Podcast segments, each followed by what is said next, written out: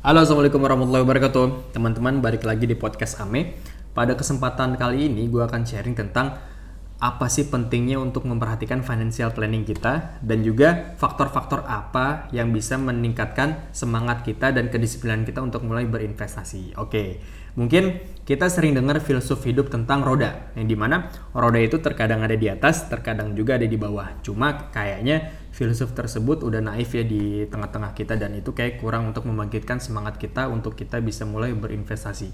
Ingat, investasi itu bukan tentang besar kecil nilainya, tapi tentang kedisiplinan kita karena kalau kita bisa disiplin berinvestasi, bayangin deh beberapa puluh tahun kemudian kita punya persediaan kita dari hasil investasi tersebut. Dan ingat, investasi itu juga bukan sekedar uang aja, tapi juga pendidikan dan juga lainnya. Oke, gue akan menceritakan kisah yang mungkin kita semua pasti udah tahu atau mungkin beberapa ada yang lupa tentang kisah ini. Ingat nggak di zaman kerajaan Mesir ada seseorang yang bisa membaca mimpi, bisa menakwilkan mimpi seseorang. Siapa? Ya betul Nabi Yusuf yang di mana Nabi Yusuf diberi mukjizat, mukjizat oleh Allah bisa mengartikan mimpi tidur seseorang. Oke, jadi pada saat itu ada seorang raja Mesir bermimpi yang di mana di mimpinya tersebut si raja melihat kalau ada tujuh ekor sapi betina kurus memakan tujuh ekor sapi jantan gemuk. Selain itu, si raja juga melihat tentang bahwa ada tujuh butir gandum yang subur dan juga ada tujuh butir gandum yang kering atau tidak subur. Nah, Nabi Yusuf mengartikan mimpi dari raja tersebut yang di mana artinya adalah tujuh ekor sapi betina kurus memakan tujuh ekor sapi jantan gemuk artinya adalah di mana pada saat itu Mesir akan melalui masa subur selama tujuh tahun berturut-turut. Nah, setelah tujuh tahun masa subur berturut-turut, Mesir juga akan melalui tujuh tahun masa kemarau yang berturut-turut. Hmm, jadi setelah subur akan ada kemarau. Ingat ya, catat ya.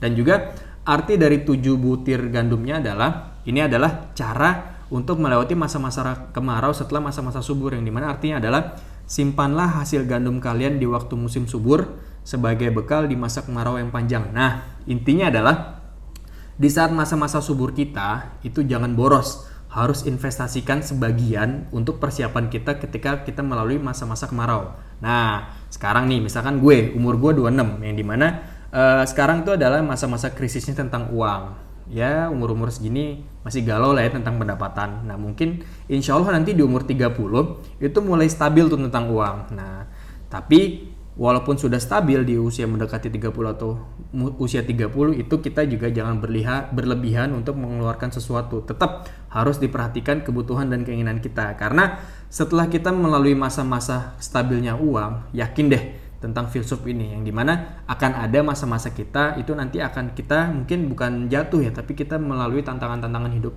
selanjutnya itu adalah ya di antara sulit ekonomi. Nah dari kisah ini mengajarkan untuk kita uh, menyimpan uh, sebagian nggak ini bukan tentang uh, banyak atau kecil intinya sebagian ya. Kalau memang gaya hidup kita uh, sedikit kita bisa menyimpan banyak. Tapi kalau gaya hidup kita gede ya semakin kecil yang bisa kita simpan. Nah berarti kita juga harus mengevaluasi gaya hidup kita nih untuk menyeimbangkan apa yang bisa kita simpan. Nah semoga dari kisah Nabi Yusuf ini bisa meningkatkan semangat kita untuk kita bisa berinvestasi. Investasi apa pun itu nggak tentang uang. Kalau kalau misalkan saat ini belum bisa berinvestasi uang ya kita bisa berinvestasi waktu dengan cara kita uh, mulai uh, mendeklater hal-hal yang tidak penting dan mulai melakukan hal-hal yang bermanfaat atau mungkin kita uh, bisa juga berinvestasi tentang pendidikan. Uh, misalkan uh, yang masih SMA itu kalian bisa lanjut ke kuliah uh, D3, S1 atau atau lainnya dan juga tentunya tidak hanya pendidikan formal, bisa juga kalian bisa menempuh pendidikan informal ya mengasah kemampuan apa pun itu misalkan kalian-kalian di bidang musik atau lainnya. Oke, semoga kisah ini bisa membakar semangat kita dan tentunya kita bisa disiplin untuk selalu berinvestasi. Intinya bukan besar atau kecilnya tapi tentang kedisiplinan kita agar kita bisa berinvestasi setiap saat. Oke, semoga ada manfaatnya. Sampai jumpa di podcast selanjutnya. Terima kasih. Assalamualaikum.